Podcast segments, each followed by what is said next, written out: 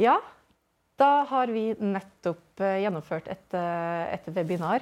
Eh, Jeg syns det var veldig spennende å stå på si, scenen sammen med dere. Det var veldig gøy å ha alle sammen med og høre de ulike historiene.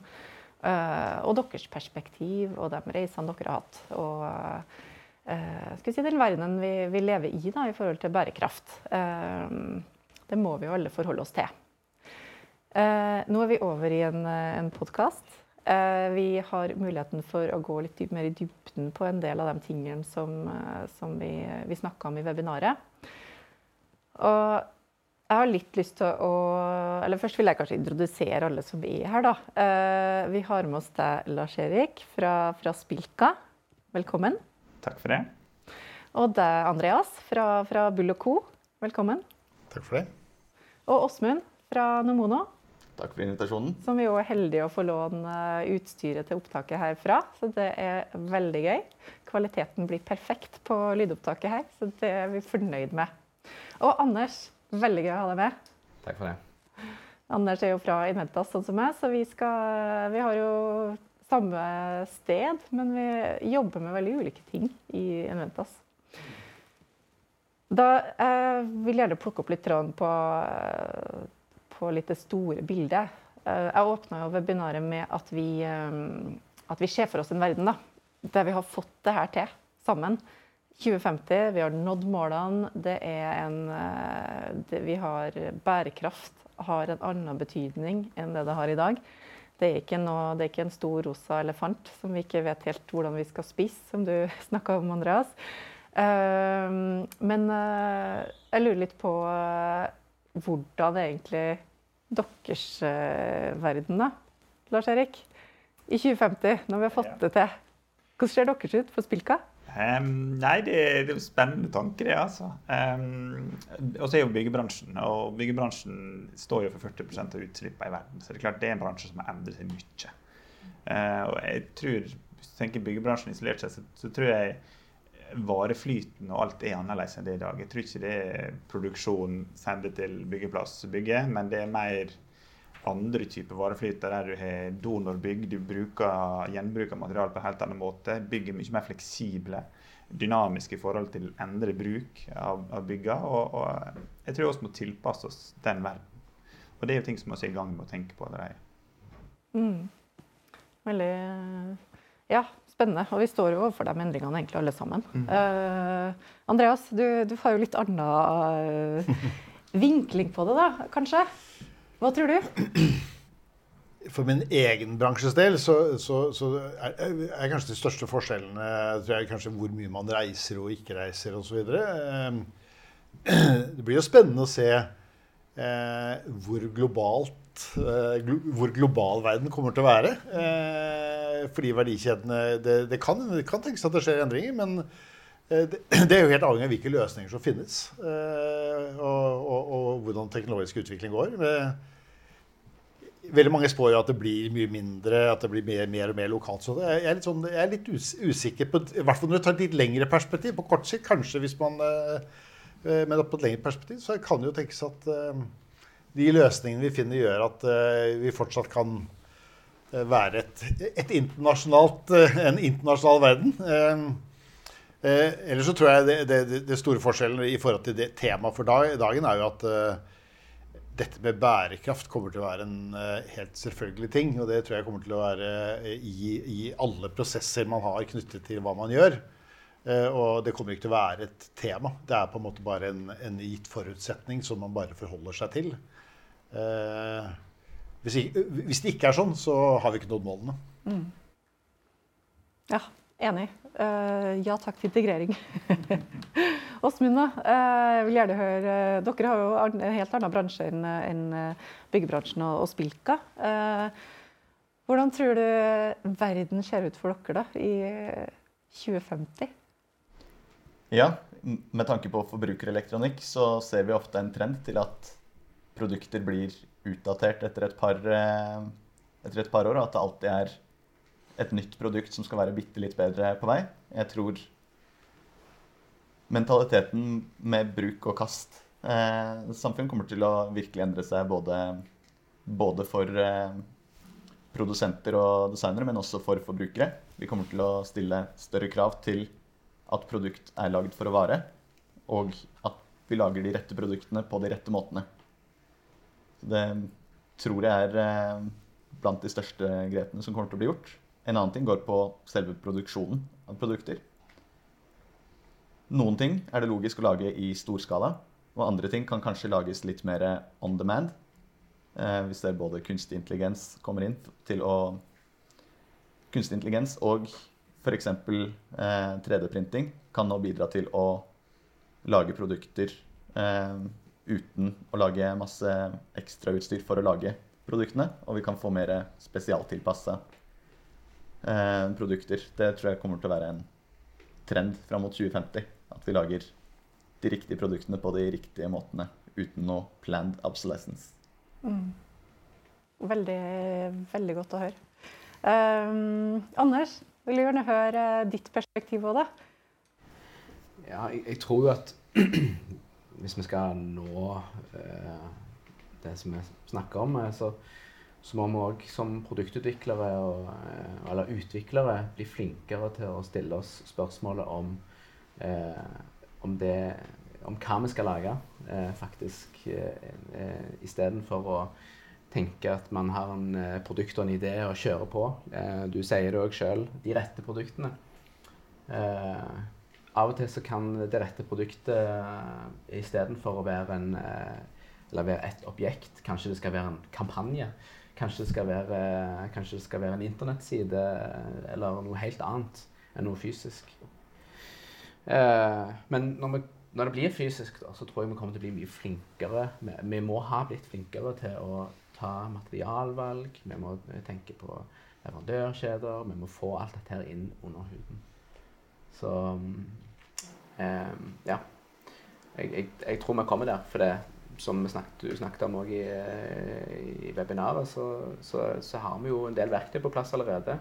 Og vi fokuserer på det eh, nå i forhold til hva vi gjorde før.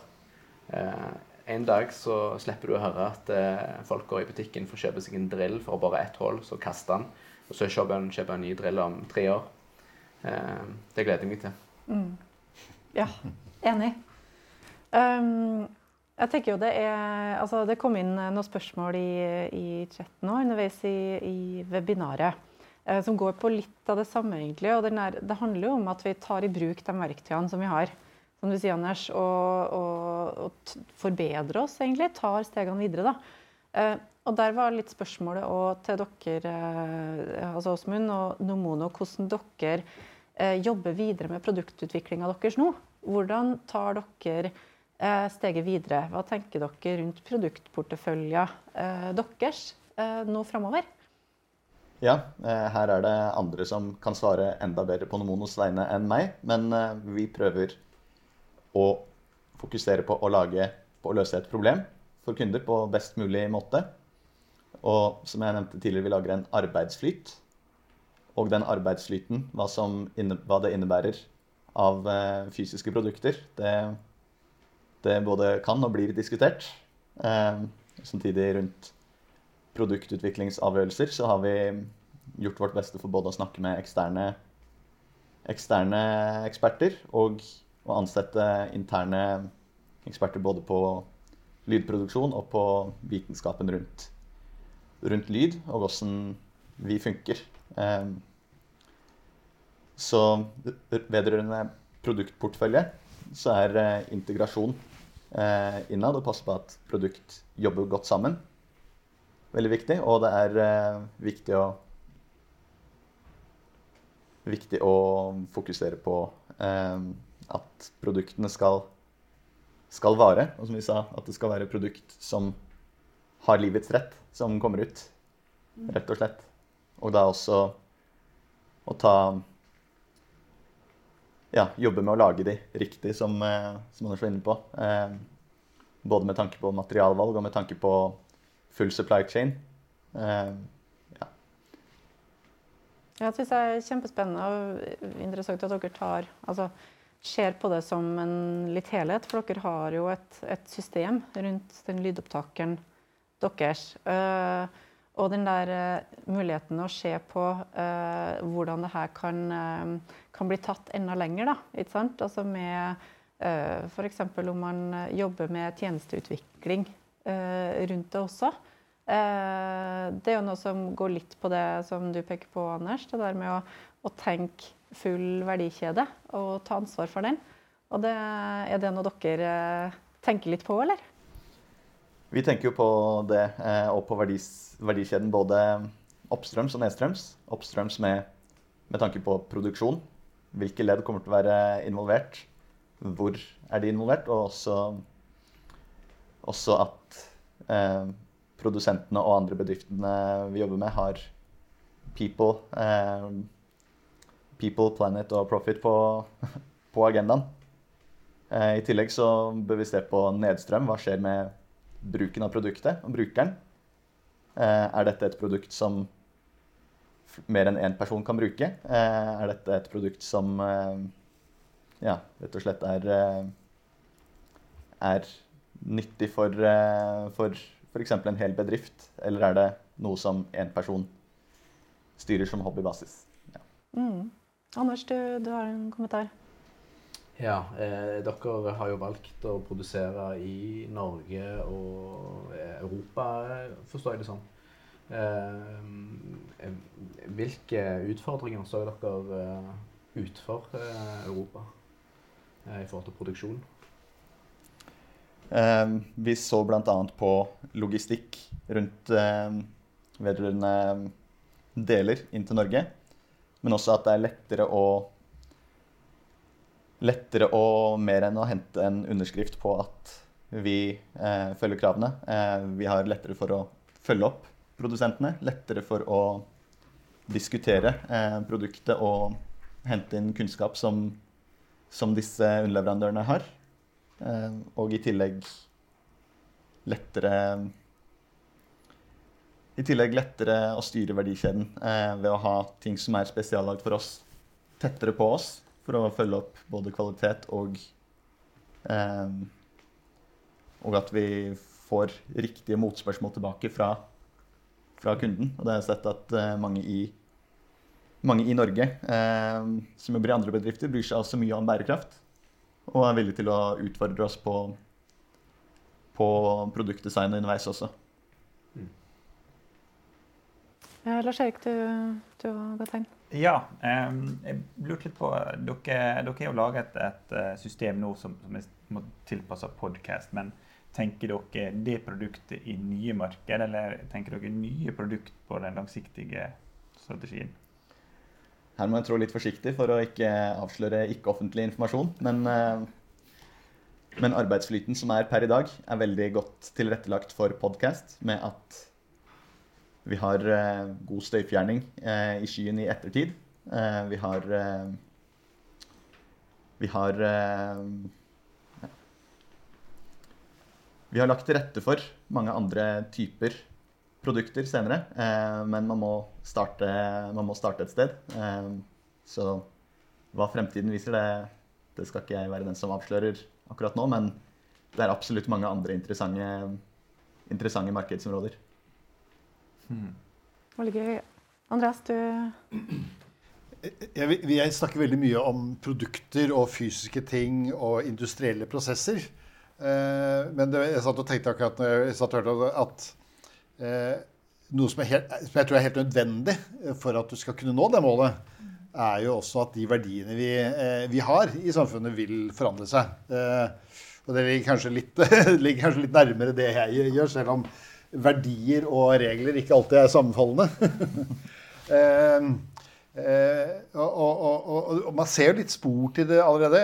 Jeg, man ser på brukt, brukte klær, f.eks., som jo eh, Hvor det i dag faktisk ganske Du får ikke så mye penger for det.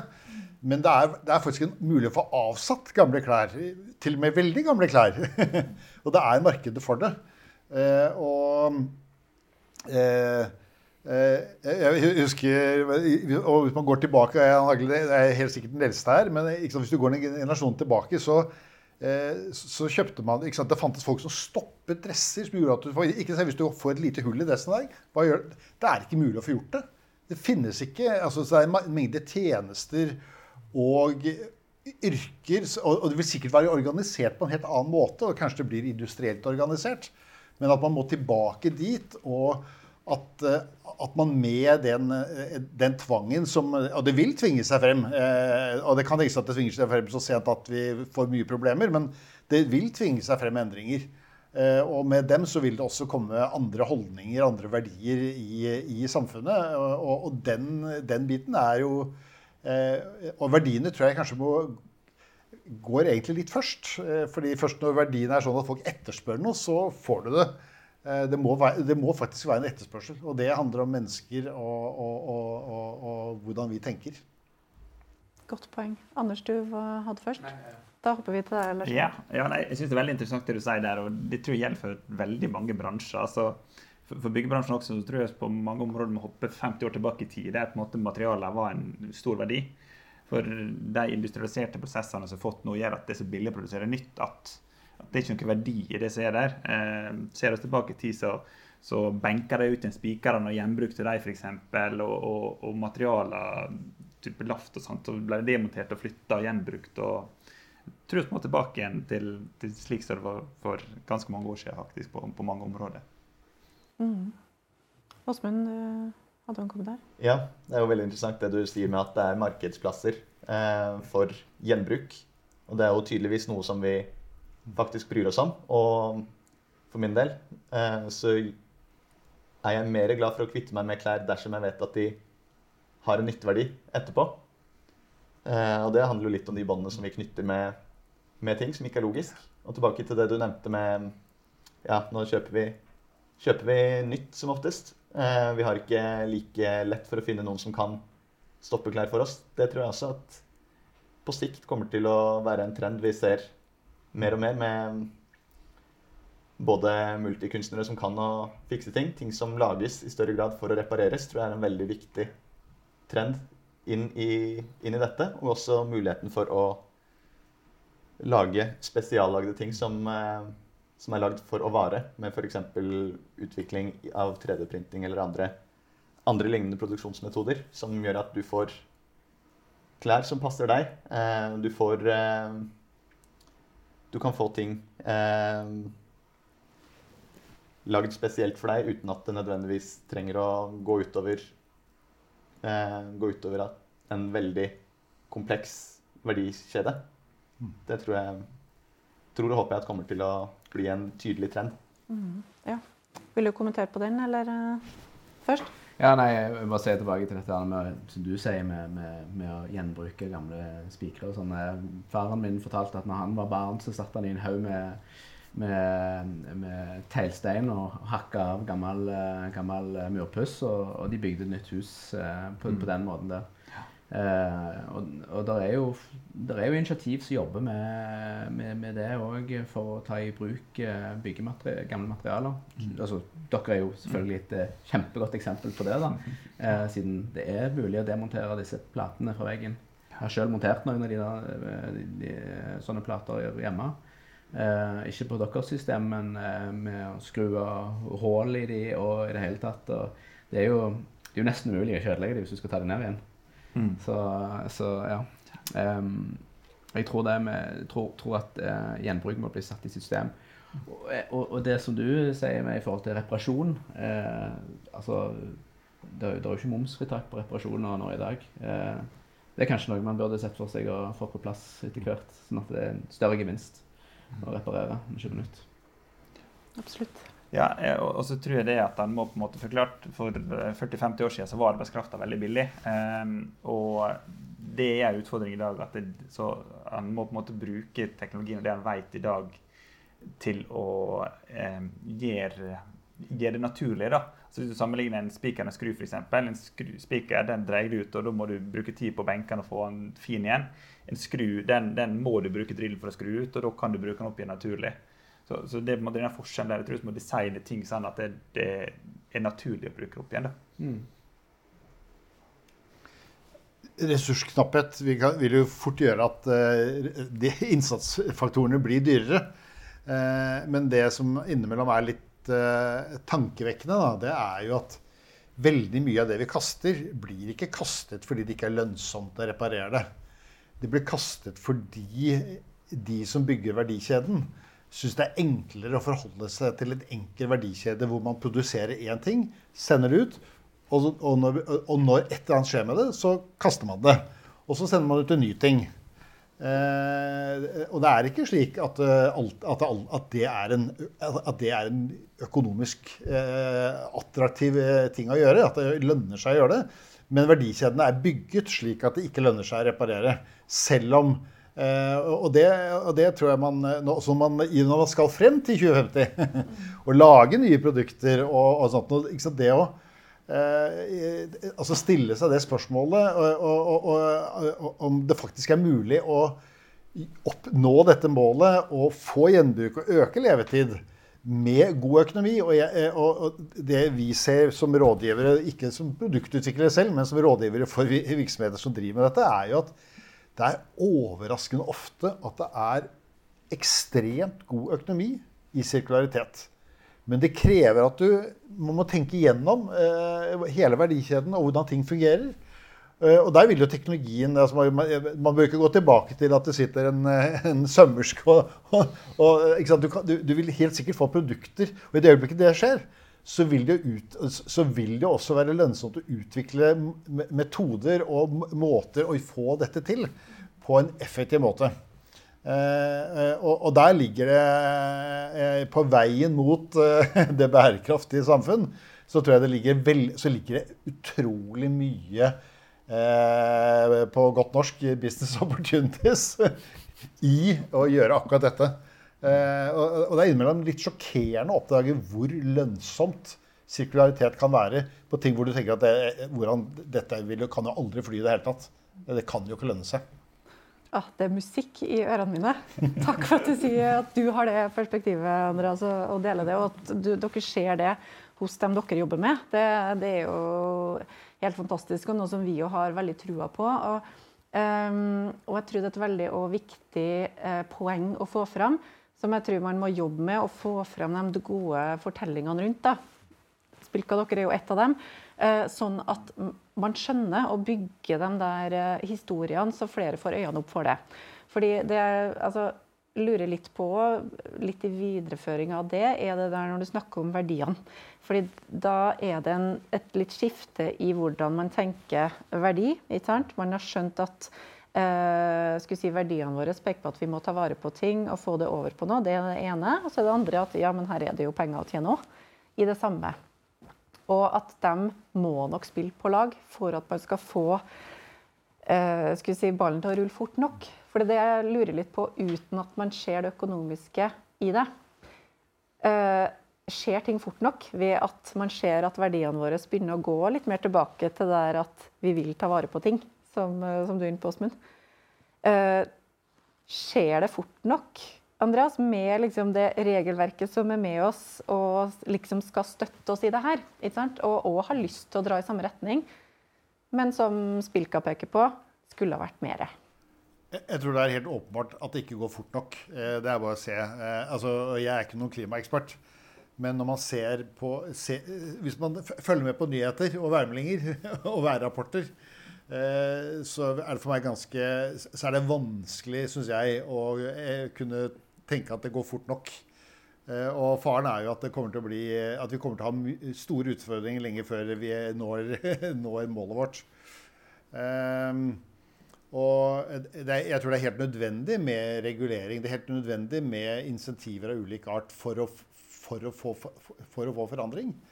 og, og der tror jeg Eh, ting som taksonomien, åpenhetsloven eh, og, og, regulering også er viktig. Fordi det er et man trenger et, Samfunnet trenger et push eh, for å tenke annerledes.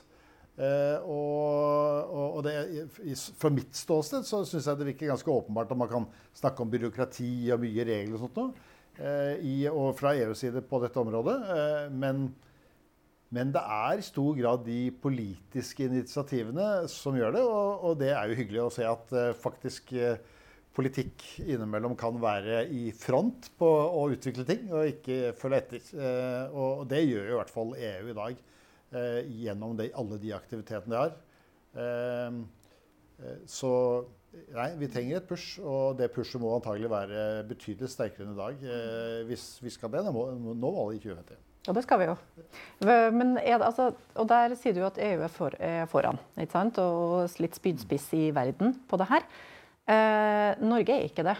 Eh, der vi står nå, sånn som jeg har skjønt det. Og, og eh, er det noen andre insentiv som man kan spille på og kanskje utnytte, som ikke er så tungrodd og så seigt, og som eh, eh, si, lover og, og krav?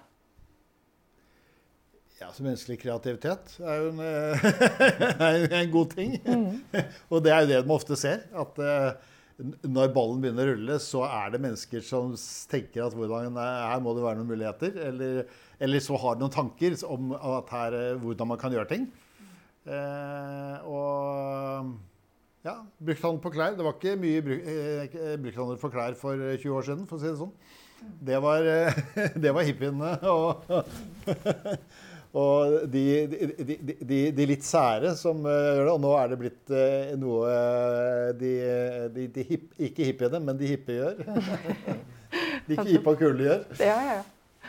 ja. Lars Erik, du hadde noe Ja. Um, nei, jeg er jo enig i det. Altså, det Norge etter mitt syn henger ikke med i det som skjer nå. Det går fort i EU nå. Altså, det kommer enormt mye ting derifra nå. og eh, opplever oss ikke henge med i Norge her eh, enda, dessverre. Eh, det skjer mye positivt, men, men det går for seint. Jeg tenker det offentlige kan eh, ta et større rolle og ansvar. Det offentlige kjøper inn for 650 milliarder i året i Norge. og det er Halvparten av omsetninga i byggebransjen kommer fra det offentlige. De har enorm makt til å påvirke tempoet her og styre tempoet. Um, så, så, jeg håper at det kan komme mer. Og, og nå er vi en byggebransje som, som, ligger litt brakk. Det er stilt i bransjen. Det å komme med støtteordninger på energieffektivisering av eksisterende boliger f.eks. gjennom Enova, der er løsninger som, som har vært tidligere, som er fjerna, og som lett kan implementeres igjen. Mm. Interessant. Um, jeg tenker jo på det som Andreas peker på, at uh, litt tilbake til det med muligheten og det økonomiske uh, altså insentivene i det her. Uh, dere så jo det.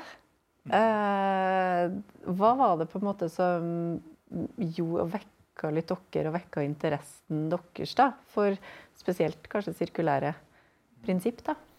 Um, det er klart, Vi er jo ikke bare for veldedighet. Uh, altså Skal ting være bærekraftig, så må det være økonomisk bærekraftig også. Uh, så, så, på lang sikt så sier jeg dette for å tro det er lønnsomt og tro det er riktig.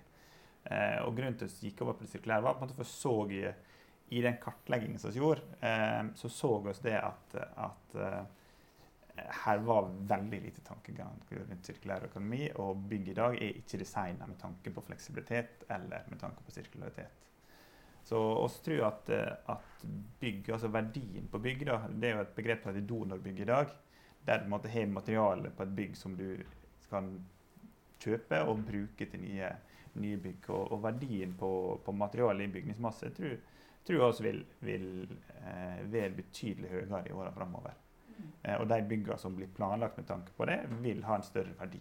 Hvis en ser bare nå med taksonomien og, og eh, The Green Deal som, som, kommer fra EU, så finansiering også Jeg tror det vil bli kjempeutfordrende å finansiere opp bygg som ikke har tilrettelagt for de tingene på sikt. Mm. Anders, du hadde en kommentar. Ja, ja altså, dere dere um, har jo jobba med fiksade og, og har vel um, merka at det, det, er mange som ønsker å ta i bruk produktet deres eh, etter hvert. Men eh, det er òg veldig spennende å se. Jeg tror du nevnte dere har 16 produkter på lista, eh, og dere har uh, prioritert fiksade. Mm. Når, ser vi, når ser vi fortsettelsen av av utvikling eh, på, på, disse? Den er ganske langt i gang, faktisk. Eh, og så vant jo jeg innovasjonskontrakt med Statsbygg eh, i lag med Inventas og eh, Virk eh, på utvikling av smarte vegger til regjeringskvartalet. Det var en innovasjonskontrakt der Statsbygg er med å finansiere utviklinga. Og så sitter vi igjen med IP-rettighetene etterpå. Så det er jo i siste fase der nå med testing eh, og, og, og godkjenning hos Statsbygg. Eh, og etter det så er jo kommersialiseringsfasen. Så, så, det er jo et produkt som, som sto på det, er av de 18 forretningsideene som vi hadde, og er neste på lista vår, som vi forhåpentligvis lanserer i løpet av året i år, faktisk. Veldig spennende. Det, så det er smarte innavegger som er veldig mye av samme prinsipper som, som Fixade, egentlig. Altså, det er modulbaserte vegger som du setter opp, eh, men som er flyttbare. Og eh, litt som legoklosser, kan du si. da. Med integrert teknisk infrastruktur. Og, ja. Så det er et veldig spennende område. Veldig spennende. Og det, altså, det som er interessant, er jo at det, det skjer jo veldig mye. På, altså, vi i Inventas sier at vi er altså, teknologioptimister. Eh, og det sier vi i beste forstand ved at altså, eh, det er noen muligheter for at vi faktisk kan nå eh, målene. Eh, og for å nå dem. ikke sant? Eh, og du snakker om smarte vegger, og der er det jo òg mye teknologi som kan brukes for å gjøre gode valg. Altså den dataen man henter inn osv. Og, så videre, og nyttiggjør seg av den. Eh, ser vi hos veldig mange kunder hos oss òg, at vi, vi, at vi er helt i startgropa av hvordan, hvilke muligheter som ligger i det. Jeg vet jo dere og, altså Nomono jobber jo en del med, med data. Eh, hvordan tenker dere at det er nyttig framover for den videreutviklinga deres? Eh, Kan du formulere spørsmålet en gang til? Ja, og det å bruke Det kan jo hende at det er mot, eh, mot brukere, da.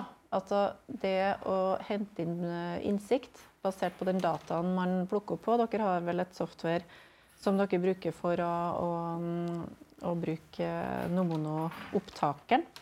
Henter dere inn noe data som dere ser dere kan bruke for å videreutvikle produktet til å bli enda mer eh, brukervennlig, eh, enda bedre tilpassa brukerne. Eh, så det blir et bedre produkt som kanskje får mer eh, lengre levetid, lengre brukstid og eh, varer lenger. da. Mer bærekraftig. Mm. Det er jo alltid viktig å ta hensyn til at det kan hende at de som vi snakker med direkte, eh, ikke er fullt representative for en bruker. Og vi vil sannsynligvis se mange forskjellige typer bruk av produkten, annet enn det vi initielt optimaliserte for.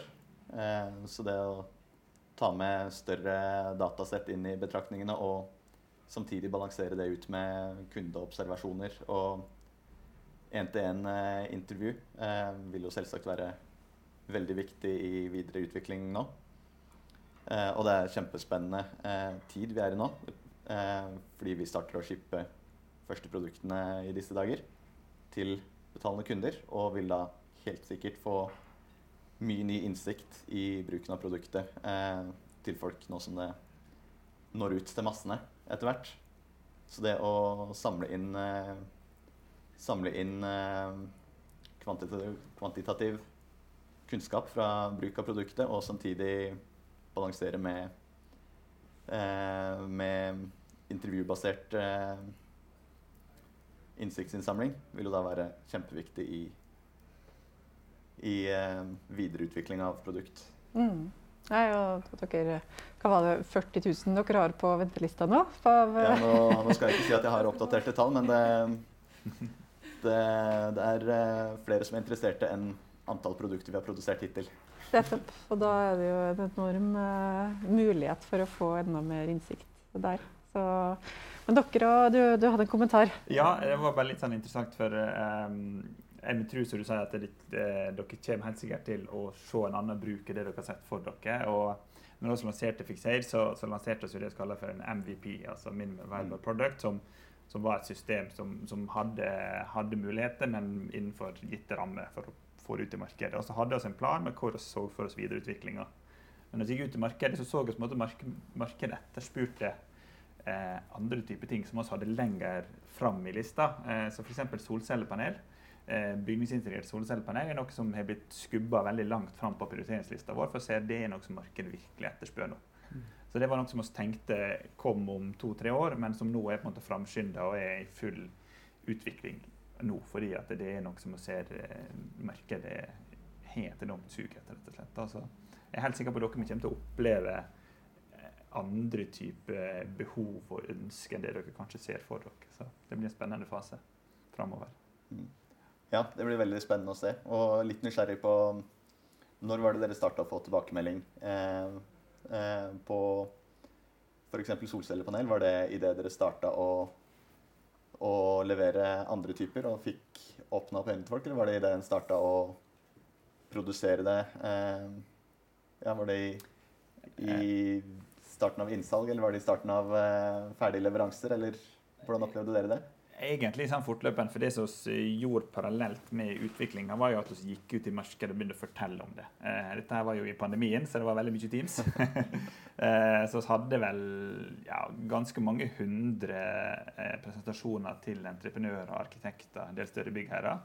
Der vi på en måte presenterte systemet, og, allerede der begynte vi å fikk spørsmål og signaler på at, at dette, dette kan bli veldig spennende. men veldig konkret det er jo på en måte nå når vi har begynt å gå ut i markedet og i, i direkte prosjektdiskusjoner.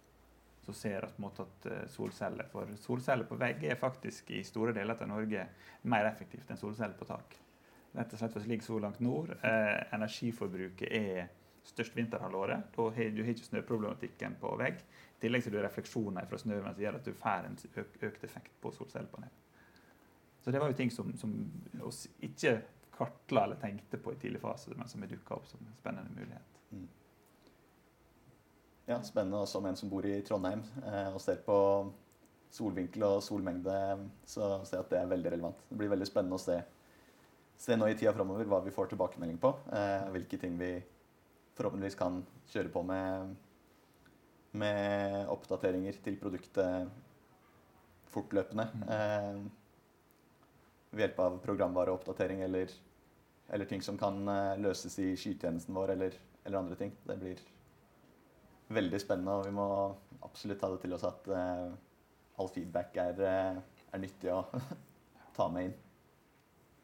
Ja, det er jo, altså, Den der feedbacken er jo litt sånn kontinuerlig, som dere peker på. Det der med at, at man trenger den dialogen og kanalen til både markedet og kunder og hva som rører seg, for å hente inn. Men Eh, hvordan eh, altså, Lars Erik, hvordan jobba dere altså, i starten med liksom For man må jo starte et sted. Mm. Eh, og hente inn innsikten, snakk med de kundene.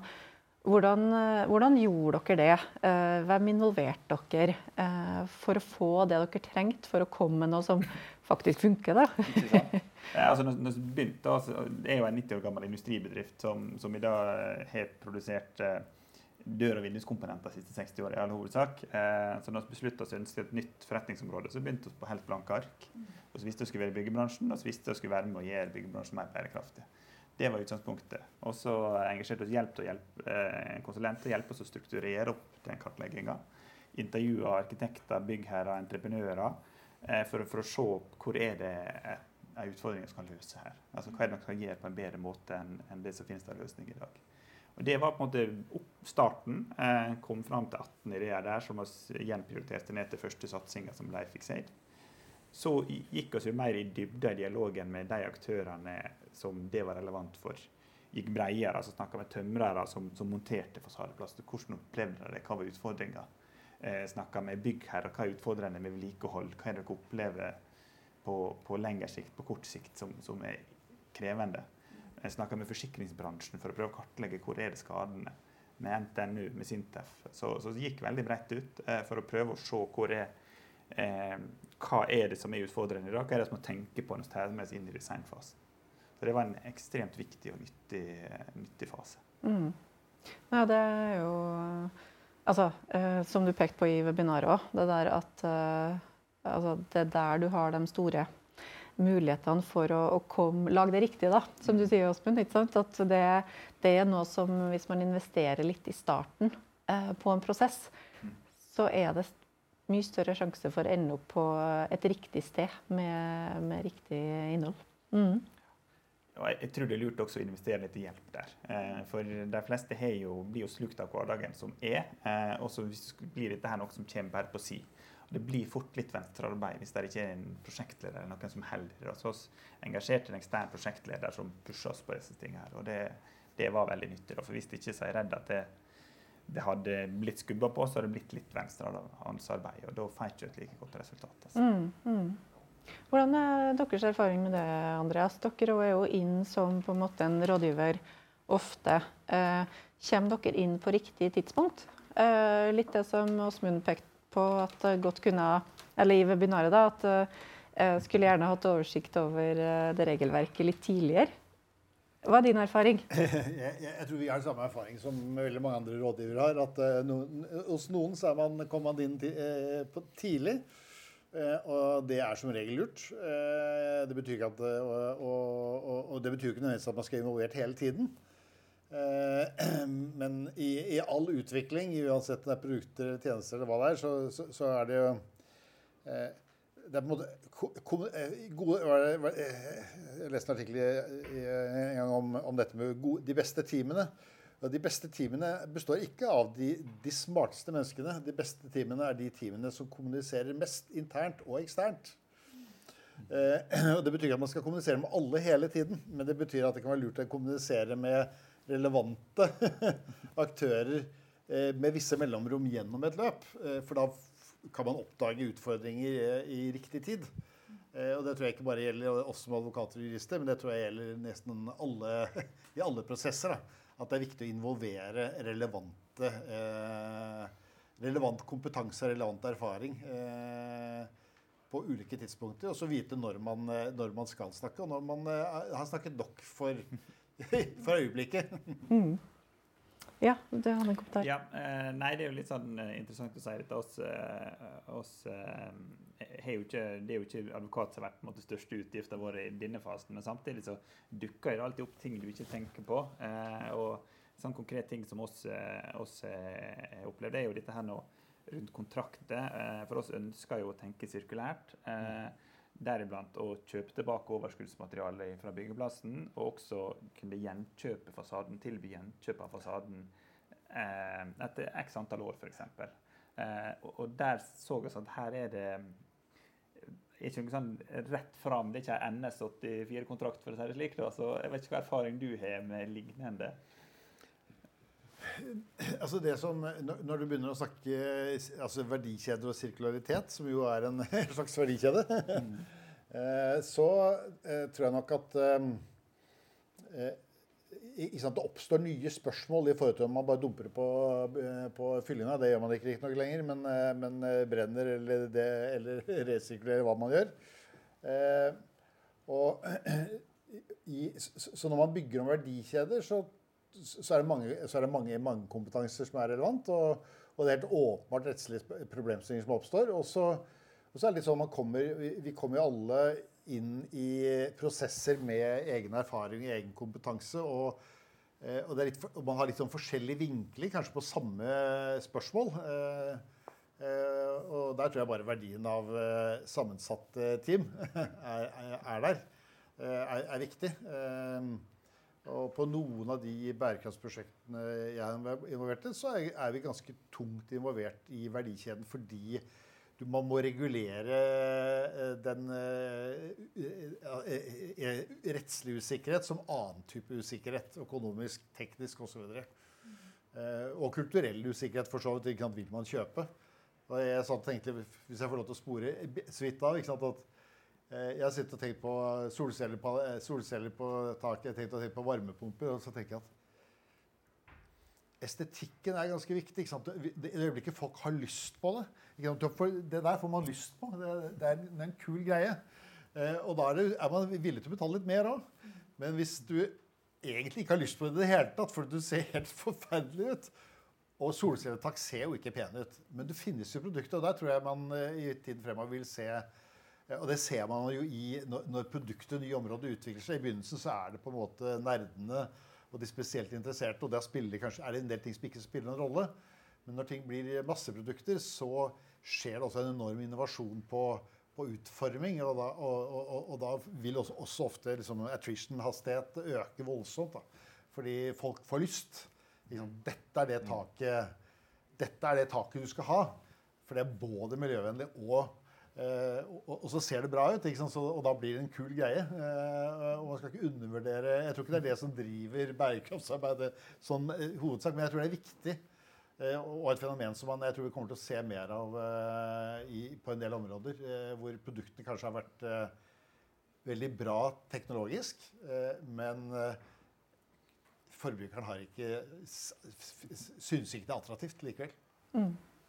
Det er et veldig godt poeng. Ja. ja. Nei, jeg syns det var veldig interessant det, det, du sa der. og det, Akkurat på solceller så ser jeg så denne utviklinga der nå. altså eh, kosten på solceller har jo eh, gått enormt mye ned siste året, Selvfølgelig for volumet går opp.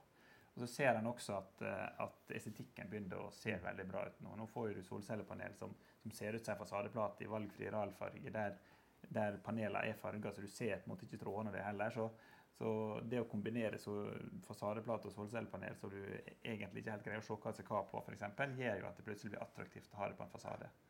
Um, så det blir veldig spennende å se utviklinga framover nå, og om den går like fort som den har gjort nå de siste fem åra på solceller. For der har det skjedd veldig mye. Ja, Det er forskjell på når, når du viser folk rundt i det nye, nye bygget du har fått kontorer i, og så viser frem forresten, og så sier alle som ser å, det var kult, det skal jeg også ha neste gang. ikke sant? Da, da er du er man på riktig, riktig vei, da. Eh, jeg tror selvdrevne prosesser fungerer bedre enn de som eh, er tvungne. ja, og det, altså, det har jo dere òg jobba med, Åsmund. Altså det der med altså, At man må spille på lag med, med, med brukeren. Da. Det må være lystbetont, kanskje. Eh, dere har jobba godt med, med, brukerinnsikt. Hvordan, har, hvordan, gjorde dere det for å på en måte få forstå hva som er attraktivt for, eh, for deres brukere? Ja, her eh, som, som nevnte, så går det veldig ofte ut på å snakke med ikke bare de som vi tenker at kan være nyttig å snakke med underveis, men alle. Og vi ser at produktet vårt har i utgangspunktet ikke bare én bruker. Men her ser vi at det er én bruker som er kanskje et mediehus som har ansvar for totalproduksjonen. Du har en bruker som er vert, som nå i dette tilfellet er deg. Du har eh, fire andre brukere her som kan holde en litt mer naturlig samtale, liker jeg å tro. Eh, og du har eh, de som skal redigere det etterpå, og samtidig så er dette noe som skal nå ut til veldig mange lyttere. Så hente inn eh, innsikt på alle disse, og samtidig resten av verdistrøm, verdistrømmen i produksjon, det, det gjør seg ikke selv. Og det er sikkert ting vi kunne Folk vi skulle snakka med på tidspunkt vi ikke snakka med dem. Men det å aktivt søke, aktivt søke, feedback og kjøre brukertester, gjerne prototype, tidlig. Og teste ting tidlig for å komme på riktig spor. Som nevnte, 80% av eh, impact bestemmes, bestemmes, ganske tidlig i prosessen. Eh, så det, det å kjøre egne kvalitative bruker, eh, brukerintervju og gjerne se folk interagere med produktet, notere hvor hvor og når er det det eventuelt er eh, friksjon i bruk av produktet som gjør at, som gjør at man får litt mer eh, avstand fra produktet, og eventuelt høre hvilke andre ting som dette produktet ikke gjør. Er det som kan være, det som kan være nyttig, og du ville prioritert, som, som du nevnte litt?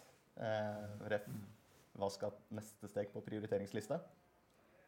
Eh, så ja involver så mange som mulig med forskjellig nivå av eh, Med forskjellig nivå av eh, kunnskap.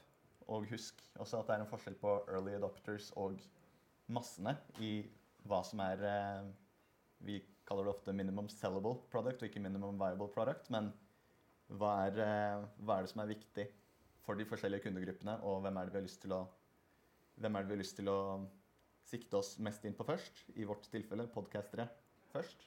Hva fremtiden skal bringe, det, det er opp til en annen, eh, en annen, enn meg og en annen tid å snakke om. Men, men rett og slett snakke, uh, prøve, teste, uh, feile så tidlig som mulig, og også videre i prosessen. Selvsagt passe på at gode intensjoner fra starten ikke, ikke går tapt når en treffer på en liten snublerot.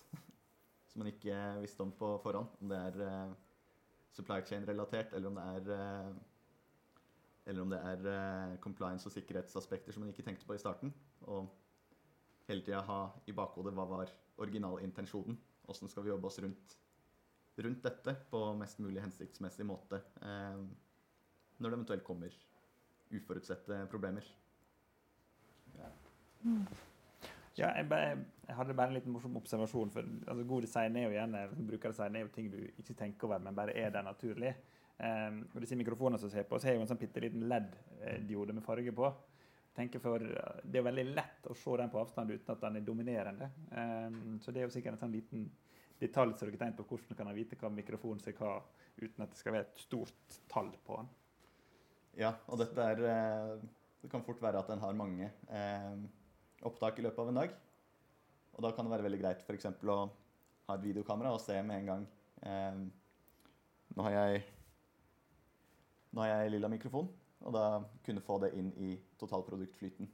Eh, det gjør det ganske mye, ganske mye lettere i etterkant, og det er veldig mange veldig mange små detaljer i et produkt som man ikke, som man ikke tenker over. De aller fleste ting er satt opp av mange, mange små detaljer. Og der også er det å teste det med, teste det med brukere som ikke har vært eh, involvert i prosessen også. Viktig for å se hvilke ting er det vi tar som selvsagt eller tar som gitt, som kanskje andre, andre legger merke til eller ikke legger merke til. Noen ganger er det bra ting man ikke legger merke til også.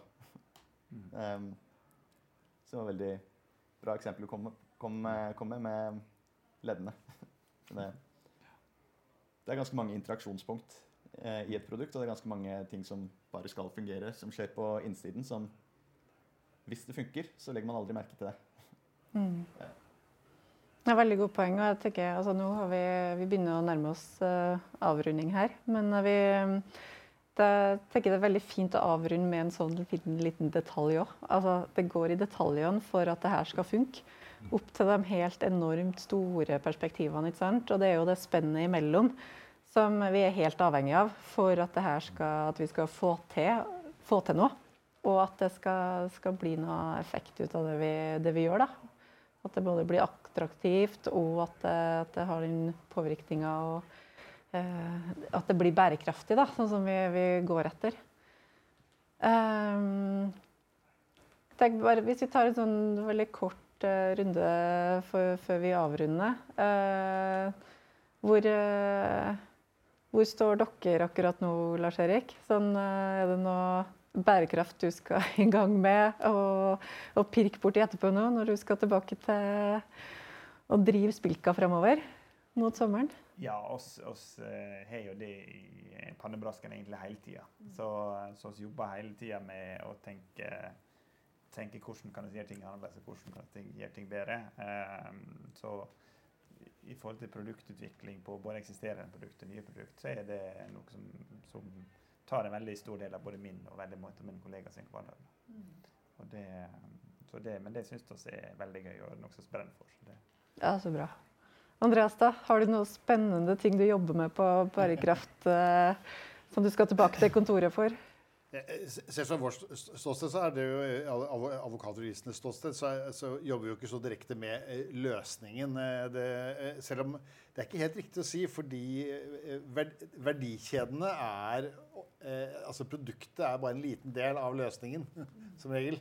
Og i verdikjedediskusjonene så, så jobber, vi ganske mye, jobber vi mye med klienter og skjønne og, og våre kunder med å forstå hva de ønsker å oppnå, og, og, men også for oss å være eh, bidragsytere for å finne løsninger på de utfordringer som en, en annerledes verdikjede innebærer. Eh, og, det, og, når ting er nytt, så er det ofte vanskelig, og så blir det, går det en liten stund, og så er ting helt selvfølgelig. Men uh, i den fasen er nå, så er det, er, er det, ganske, er det mange utfordringer, morsomme og spennende utfordringer, uh, som og innimellom vanskelige. eh, som, eh, hvor, man involveres nettopp for å, for å bidra til å, å, øke muligheten for å tjene penger og redusere sjansen for å tape. Som er en, en, viktig rolle eh, av det i vårt arbeid. Veldig viktig. Og det det er bra. Eh, Åsmund, eh, dere har jo deres eh, Climate Force-team, eller eh, jeg husker ikke helt navnet på det, men har dere noe på dere jobber med akkurat nå? Um, nå driver vi og lanserer produktet um, og starter å slippe det. Vi kommer til å få masse tilbakemeldinger på det. Akkurat vår Task Force på Sustainability har, har også en del arbeid vi må vi må se på både med eventuelt å forbedre, forbedre produktet eller å ta med, i, ta med videre inn i hele bedriften. Så alle som, alle som, jobber med de minste ting, som å tune en, uh, tune en uh, ledd, får det med seg i betraktningene sine at bærekraft er, uh, er en viktig del av alt det vi gjør, rett og slett. Så går både på det med videre utvikling av produkt og med forankring eh, videre i, i bedriften. Mm. Anders, da, vi er jo borti mye forskjellig i Inventas. Hva, hva styrer du med nå? Eh, det er faktisk ganske mange prosjekter etter hvert, eh, iallfall på kontoret hos oss i Stavanger, som, som eh, involverer stor del av bærekraft. Eh, kan ikke akkurat sitte og snakke om hvilke kunder vi har til enhver tid, men, men eh, ansvaret som vi har, er jo å rådgi de vi jobber med nå, til å ta gode valg frem mot sommeren og videre òg. Så jeg ser frem til å få jobbe videre med det. Mm. Òg. Absolutt.